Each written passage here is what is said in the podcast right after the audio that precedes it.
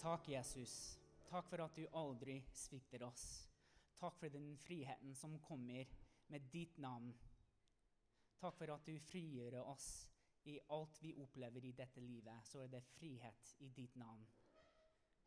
Takke deg for at du har gitt oss et bilde av hvem vi er i ditt navn. Og gjennom dine øyne. Takke deg, Jesus. Amen. Vær så god, sitt ned. Vi ønsker alle dere velkommen til Pinsekirka. Hvis det er første gangen du er hos oss, så sier vi takk for at du tilbringer eh, for middagen her i Pinsekirka, og vi gleder oss til å hilse dere etter møtet. Det blir eh, barneopplegg eh, underveis, så hvis du ønsker å fargelegge eller ha noen aktiviteter å gjøre, så Hanne går rundt og deler ut nå for alle dere som har barn. Vi vil gjerne gi alle muligheten til å gi til Guds rike her i Pensekirka. Så vi har kurven som står her. tenker Det er ikke så lurt i løpet av koronatiden å sende rundt kurven hvor alle berører og sånne ting. Så hvis du har lyst, da er det bare å komme og slippe pengene opp i kurven. Hvis ikke eh, du vil gjøre det, og du vil eh, gi fask, så har vi bankkontonummeret vårt som eh, ligger bak på et bord der. Bare ta det med, og da kan du ordne fast trekk. Eh, som vil si at de trekker eh, hvor mye du ønsker å gi hver måned uten å tenke på det. Så husk å ta lappen etter du er ferdig eh, her med møtet. Sist beskjed vi vil gi, er at vi vil gi leseutfordringer, eller utfordringen, til alle barna som går her i Pensekirka, at de skal lese eh, Markus, evangeliet, hele sommeren. Dvs. Si to kapitler hver uke. Og etter du har gjort det, så kan du klippe det av og så ta det til Hanne og si jeg har lest kapittel 1 og 2, og da får du premie. Men vi vil stimulere ikke bare barna, men også voksne til å lese i Bibelen. Eh, ikke bare i sommer, men resten av året og vi krysser fingrene at det blir resten av livet. Eh, så det er informasjonen for i dag, og det er med stor glede at jeg vil invitere Elisabeth eh, Berg opp. Fordi det er hun som skal forsyne i dag. Jeg har gledet meg lenge til å høre deg, Elisabeth. Du er en dame med sterk og stor tro, og vi støtter stor pris på deg og din familie. Så eh, vi vil gjerne ta imot hva Gud har lagt på hjertet ditt i dag. Tusen takk. Tusen takk. Hører dere meg? Hører dere meg? Ja, der. Da vil jeg bare be en kort bønn først. Takker jeg Jesus for at du er her nå ved din Hellige Ånd. Jeg takker deg, Herre, for at du elsker hver enkelt som er her nå. Og jeg takker deg, Jesus, for at du styrker meg og lar meg få lov til å være et redskap i din hånd, Herre, som får lov til å formidle det som du har lagt på hjertet mitt. Ja, de fleste kjenner meg kanskje. Men jeg kan si jeg heter Elisabeth Elvesæter Berg. Jeg er gift med Gerhard, som sitter der i rød skjorte. Og vi har tre barn. Vi har Benjamin, som er 19, og Joakim, som er 16, og Mikael, som sitter der og er awesome i sin skjorte, og er 12.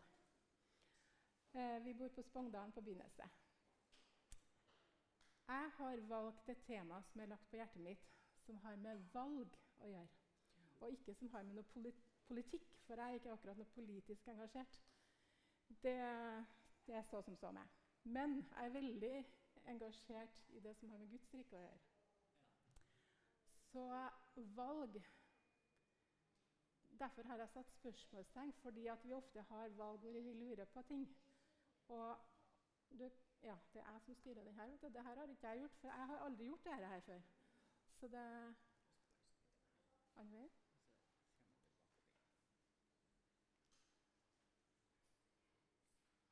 Der. Å gjøre et valg er å ta en bestemmelse på en handling, en retning, noe man vil gjøre, si, være, tro. Men valg har ulike konsekvenser. Kan Gud veilede deg i dine valg?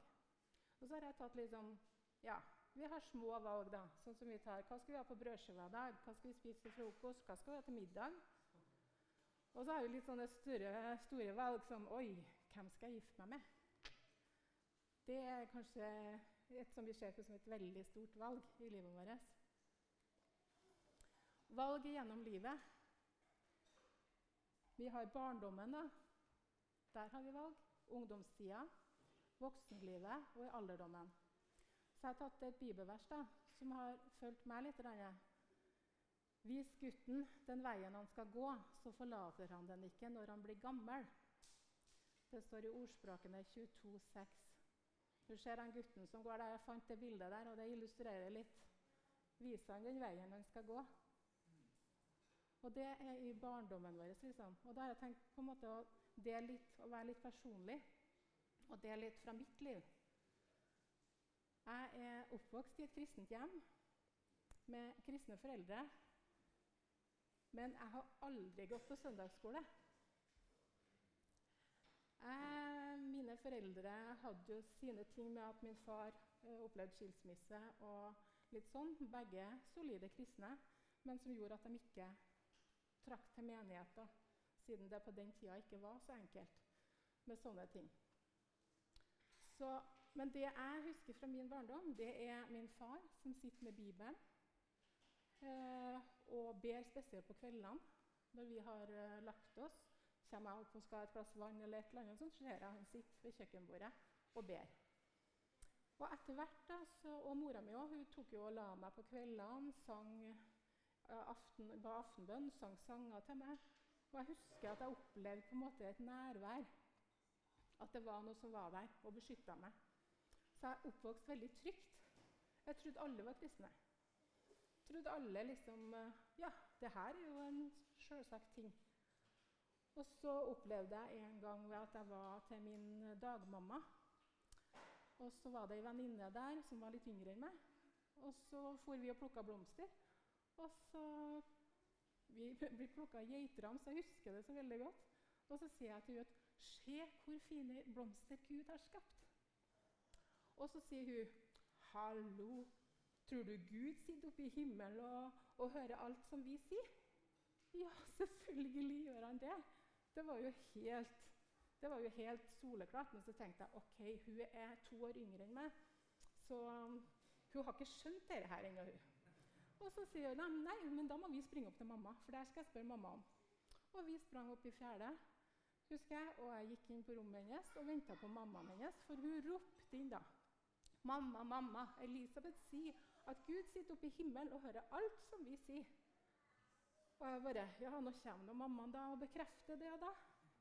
Men nei, der kom det med ganske sinte skritt. Bøyde seg ned, tok rundt barnet sitt for å beskytte henne fra meg. Og si, stirra hardt på meg og sa det der er ikke sant. Og da var det så rart, for jeg, var, jeg tror jeg var seks-sju år. Og jeg husker at jeg følte som hun hadde slått meg i ansiktet.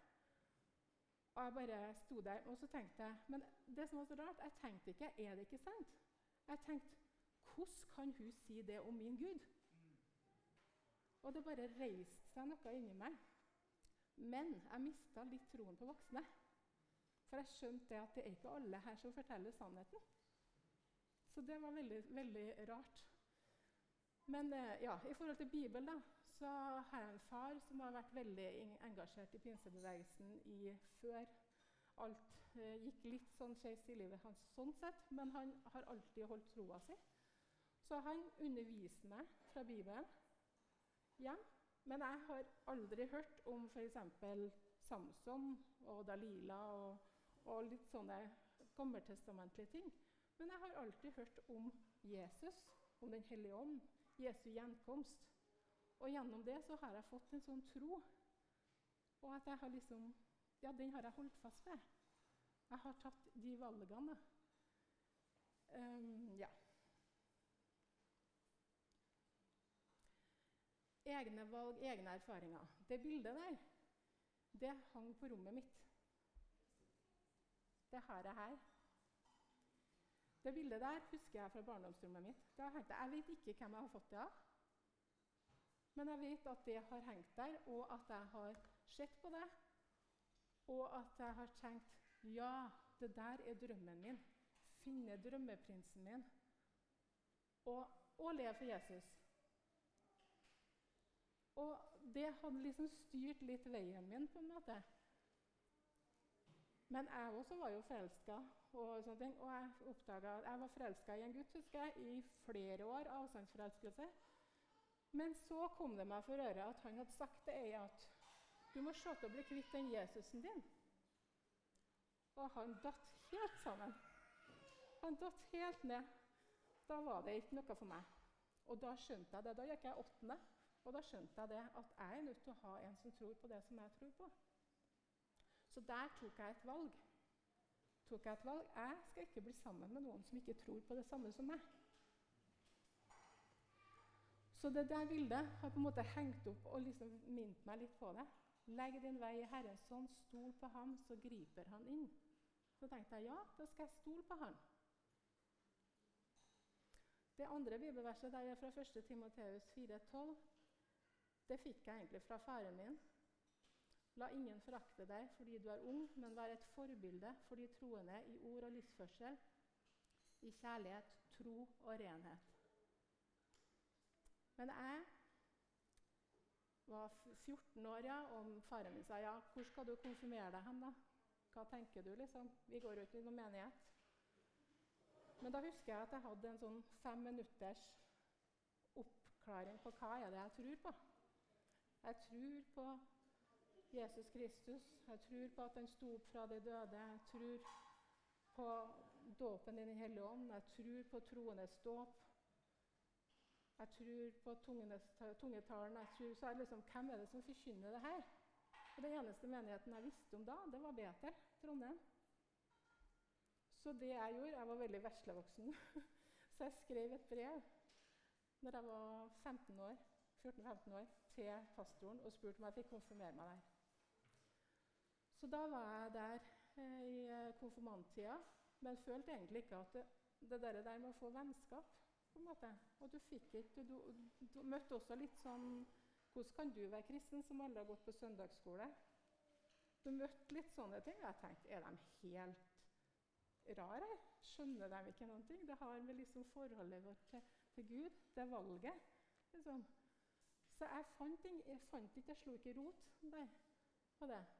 Men allikevel så gikk jeg eh, Ja, jeg gikk jo der den konfirmasjonstida. Men så hadde jeg heldigvis rolige venninner, så jeg for med dem. Og det var liksom aldri noe dragning til verken festing eller sånt for min del. For jeg, jeg visste hva jeg hadde. Så, det, og, så husker jeg spesielt en eh, episode når jeg var Jeg tror jeg var sånn 17, og da hadde jeg den derre hvor du føler at trua på en måte Hvor er du, Gud? Hvor er du hen? Og jeg kjente ikke noen ting, og jeg følte jeg var i et vakuum. Og jeg sa det til faren min, for jeg ble plutselig veldig kranglete hjemme. Og veldig sånn, og han sa 'Hva er det med deg?' Og da sa jeg det, at jeg er i et vakuum. Jeg vet ikke. Jeg er i et åndelig vakuum. Jeg visste ikke hva vakuum var engang, men det bare datt ut av meg. Etterpå så skjønte jeg jo at det var jo faktisk det jeg var. Og så husker jeg at jeg tok et valg når jeg lå i senga mi. Og så sa jeg til Gunn at nå har jeg det veldig tøft. Men jeg velger å tro at du er der. Og så snur jeg meg ikke fra deg, men jeg snur meg mot deg. Og så tok jeg og snudde jeg meg fysisk i senga, husker jeg. For å på en måte illustrere det. At jeg velger deg, Gud. Jeg velger deg, Jesus. Og dagen etter, når jeg våkna, så var alt det negative bort. Og hele den tunge perioden, den var bort. Så derfor, Det er noen ting med det der med å ta valg. For det er liksom, Vi tenker at ja men, ja, men jeg tror ikke. Jeg, tror, jeg, greier ikke å tro. Trua er ikke noe som vi produserer. Troa er noe, det er en gave som du får, men du må velge om du tar imot den. Du må velge om du pakker den opp. Men jeg har også tatt feile valg. Men jeg har alltid hatt den der, den der at jeg liksom Gud, hva vil du? Jeg har alltid hatt den der at jeg spør litt. Og så kan jeg tenke ja, men Gud, det er jo ikke sånn. Det kan jeg ha hørt fra andre. Ja, men Hvorfor kan du snakke sånn til Gud? da? Men jeg tenker på meg som et barn, og at jeg kan sitte på hans fang. At jeg kan spørre han om hva er det greit at jeg gjør det her. Og så husker jeg det at jeg hadde jo ikke hatt eh, noe forhold, og, sånn, og så var det en kristen gutt som var interessert i meg. Og så, ja, Jeg likte jo han litt, jeg òg. Og så kjente jeg, så var det på nippen til at vi ble sammen, og så kjente jeg det der inni meg. Hva er det du gjør nå? Jeg fikk et signal ovenfra. Hva er det du holder på med? Og jeg visste at det var Gud. Jeg skjønte at det var det. Så sa jeg nei, nå driter jeg i det. Rett og slett. Jeg var ungdom, liksom. Jeg var ukyssa. Jeg var liksom Nei, vet du, nå er det min tur. Og så ble jeg sammen med den gutten. Og det var ikke at det skjedde noe mye galt der. skal jeg si. Men det forteller litt at kan, Gud prøver å hjelpe oss. Han vet hvor sårbar jeg kan være. Så han ville beskytte meg. Men jeg ble sammen med han, og var sammen med han kanskje Jeg tror ikke det var mer enn åtte uker. Men det liksom, eh, allikevel så rota det opp i masse sånne følelser til meg. Men så plutselig så sier Gud til meg Jeg kjenner den delen der. For du skjønner at det ikke er fra deg sjøl. Du skal gjøre det slutt med han. Og jeg fikk helt sånn Hva i all verdens dager? Jeg, jeg, har aldri gjort det her før. Jeg vet ikke hvordan jeg, jeg ønsker ikke å såre noen. Jeg, jeg, hva skal jeg gjøre? Så jeg sa til Gud Han er kristen òg. Så du sier det til han. Hjelp meg. Du sier det til han. Og jeg vet ikke den dag i dag om det var akkurat det som skjedde. Men jeg husker at når jeg og han ba sammen en gang, så begynte han å gråte. Og Jeg spurte hva det var, men han sa ikke hva det var. Og Det gikk en liten stund, og så gjorde han det slutt med meg. Og jeg ble jo letta, for det var jo det jeg ville. Men jeg torde jo ikke å gjøre det. Så det var på en måte, Gud prøvde å lede meg hele veien, og det var jo riktig. Og ikke lenge etter det så traff jeg faktisk Gerhard. Det var første møte med Gerhard. Men vi var venner i en treårsperiode før vi ble sammen. Der er vi sammen. For der, ja, Og det, det der med å bli leda i sånne ting òg, det er det største valget som man tar egentlig foruten det å ta imot Jesus. Er hvem du vil dele livet ditt med. Og jeg fikk nåde til det. Jeg fikk nåde til å ta riktig valg. For jeg trygla Gud og sa du lar meg ikke bli sammen med noen annen enn mannen min. Jeg vet det her var min feil, men du lar meg ikke bli sammen med noen andre enn mannen min neste. Sånn forhold har jeg til Gud. At jeg kan si sånne ting. Min mor har sagt 'Kan du si sånne ting?' sier hun. Ja, jeg har nå gjort det. Og det, liksom, og det har nå båret. Og det, jeg har møtt mye motgang og, og sånne ting. Jeg, også. jeg har sykdom i kroppen min. Jeg har min far som døde når jeg var 23 år. Og eh, selvfølgelig, Men da har valget hele tida vært å stole på Gud. Men så er, det, er vi villige til å stole på, at vil, på det Gud vil for oss, og at det er det beste for oss. Og det er der det kommer inn. for Jeg snakker jo også med mine tenåringsgutter. Liksom, 'Ja, men jeg vil gjøre sånn. Jeg vil gjøre sånn.' Og så sier jeg at ja, men hallo, hvis du legger viljen din under Guds vilje, så vil du få akkurat det som er det beste for deg. Og det er så vanskelig å forstå menneskelig sett, men det er der du får ditt fulle potensial. Det er der du får det som er tiltenkt deg. Det er der du vil blomstre. Men vi tenker ofte at nei, men jeg har lyst til å bli det, og hvis Gud stopper meg der, så vil ikke jeg følge Gud. på en måte. Men da må man stoppe opp og tenke litt, fordi det er faktisk der som Gud vil ha deg, som er den beste plassen å være. Jeg hørte en som hadde sagt en bønn som sa at Gud, så, du kan sende meg hvor du vil hen, bare du ikke sender meg til Afrika. Og det svaret han fikk fra Gud da, det var at beklager, da kan jeg ikke bruke det. Og det var ikke fordi at Gud ikke så til det ønsket at han ikke ville til Afrika, men det, det satte begrensninger for Gud. Og vi trenger ikke å sette begrensninger for Gud, for om Gud vil ha deg i, i Sibir, der det er så kaldt, så vil det være den beste plassen for deg å være. Men det er menneskelig vanskelig å forstå. Men hvis vi tør å legge vår vilje under Guds vilje, så tar vi de rette valgene. Og det, det, bare, det må man bare erfare, egentlig. Så det, det bibelverset, da, Galaterne 2,20 Jeg er korsfestet med Kristus. Jeg lever ikke lenger selv, men Kristus lever i meg. Det liv jeg nå lever i kjødet, det lever jeg i troen på Guds sønn, han som elsket meg og ga seg selv for meg. Det bibelverset ble veldig sånn, det har fulgt meg veldig. Og det høres veldig sånn krast ut. Å, lever du ikke sjøl, liksom? Men det har med noe med den der med at man har lagt sin vilje under Guds vilje, og at det livet er faktisk det beste livet som man kan ha. Og når man har opplevd det, så vil man ikke ha noe annet enn det. Og Da er det om å gjøre å greie å formidle det da videre til dem som da ikke har funnet Jesus ennå. Så det er det jeg også kan si til, til dem jeg møter, at du er du villig til å gjøre det. fordi at da vil du se det at, at forhold, at du får den jobben som du passer i, at du, du, får den familien du vil ha, eller om du vil være singel, eller om du det, Gud har lagt ned de forskjellige ting. Paulus var singel. Han ønska ikke noe annet. Han ville leve for Gud. Det. Men der tror jeg at det som er lagt ned i hjertene våre, som det ønskene våre, det er også lagt der fra Gud. Så jeg tror at vi må bare legge de ønskene fram for Gud og være litt konkret i bønnene våre. Så vil Han velsigne oss. For han spør oss som en god far. Hva vil du? Hva vil du? Hva har du lyst til?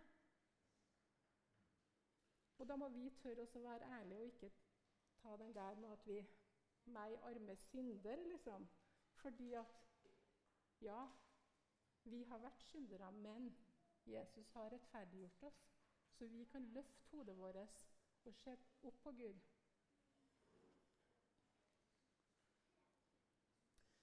Til frihet har Kristus frigjort oss. Stå derfor fast og la dere ikke igjen legge under trelldommens åk. Galaterne 5,1. Det er så lett for at vi kan tenke på ting både som vi har gjort før, ja, feile valg, feile ting, og så blir vi bundet av det. Så lar vi det begrense oss. Men det er der han sier at det er Kristus han har frigjort oss. Han. Så da kan vi stå fast i det, at vi er frigjort. Du er fri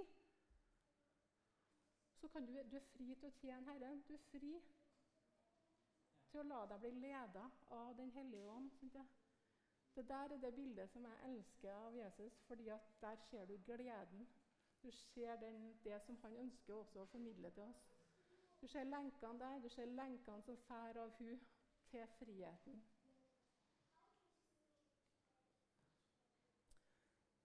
Eksistensielle spørsmål, ja. Det der som har med om hvorfor er vi her? Hva er grunnen? Hvorfor lever jeg? Hvor skal jeg hen? De der spørsmålene som alle mennesker en eller annen gang i livet får. Og da har jeg knytta det opp til forkynneren 3, 11. Alt har Gud gjort vakkert i sin tid, også evigheten har han lagt i deres hjerte. Men likevel kan mennesket ikke forstå det verk Gud gjør fra begynnelsen til enden. Jeg skjønte at de ikke har noe annet gode enn å glede seg og nyte godene i livet. Men det jeg skal ha tak i her, er evigheten har han lagt i deres hjerte. Det er derfor jeg har den rosineska nedpå der. Det er fordi at jeg ser på når at man eh, ikke har tatt imot Jesus, så er det på en måte så, det er et frø, en bit av evigheten, som er lagt nedi hjertet til alle mennesker. Men det er på en måte som en rosin der. Men når man tar imot Jesus, da, så tar vi imot Den hellige ånd. Og så kommer tilbake til opprinnelsen, så blir det til en drue, bruker jeg å si. Da blir den til det saftige som var ment til å være. Og at Gud vil at vi skal velge Han. da. Det, hvis dere skjønte det bildet med rosinen, da. At du bare Ja. Matteus 23, 37. Hvor ofte vil jeg ikke samle dine barn som en høne samler kyllingene under sine vinger, men dere ville ikke. Det er Gud som sier det til Jerusalem eller til, til jødene, da, på en måte, at de ikke ville bli samla under Guds sine vinger. Og Der går det på det med ville. Han nevner det at de, det valget deres var ikke der. Men mennesket er nødt til å ha en fri vilje, for det er nødvendig. For det er kun fra den frie viljen ekte kjærlighet kommer. Når du har et barn foran deg og du sier 'nei, du skal være glad i meg', 'kom hit, vær glad i meg', det barnet vil stritte imot. Det, 'Nei, det her var ikke noe godt'. Men når barnet kommer av fri vilje, setter seg på fanget ditt og gir deg en klem, så kjenner du at ah, det her var ekte. Sånn tror jeg Gud vil at vi skal ha. Han vil at vi skal velge Han av fri vilje. Før brukte jeg å si det at Gud, du gjorde en feil når du ga oss fri vilje. Se på folket, de velger deg jo bort. De drar jo bort. Men jeg har skjønt det, at det er den frie viljen som må til for at det skal bli ekte. Vi er barn ja, som ikke helt vet vårt eget beste, og vi trenger veiledning.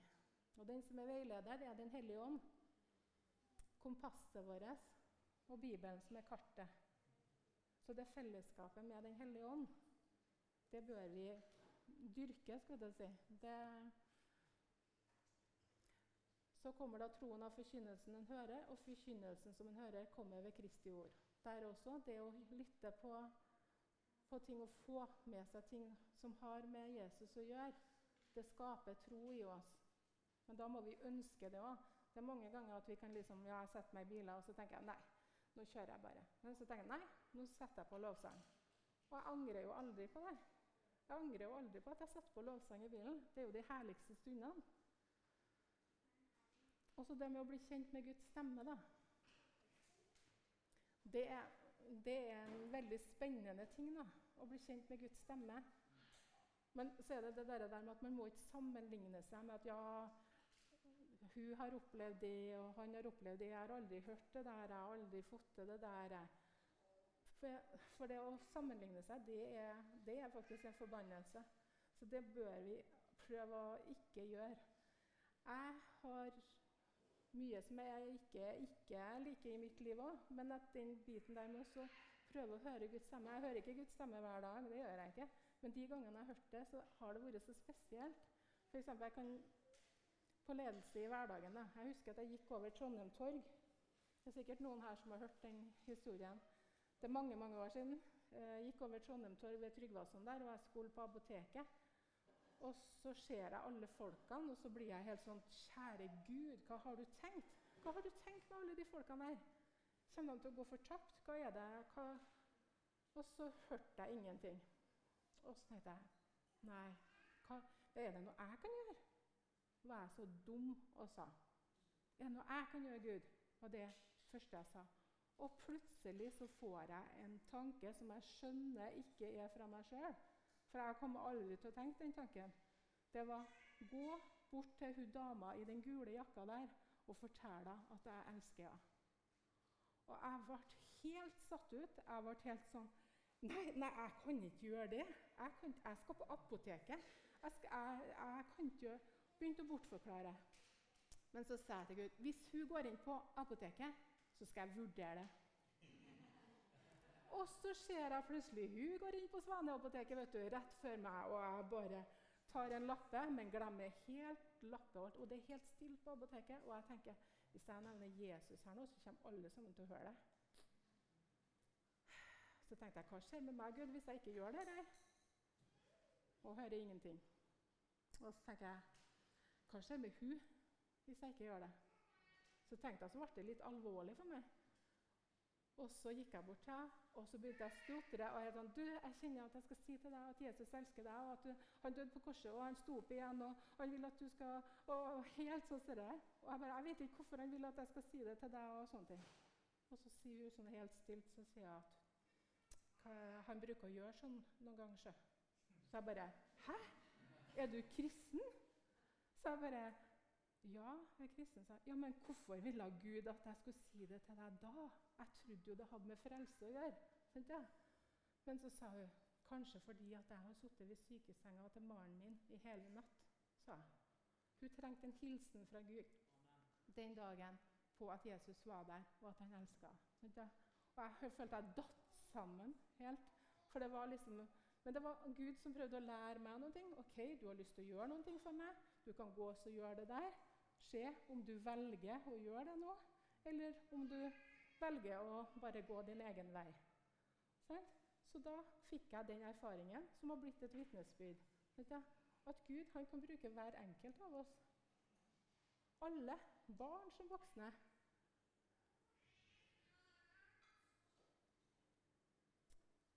Jeg, ja, I Salme 16,7.: Jeg velsigner Herren som leder meg, jeg får råd fra mitt indre også om natten.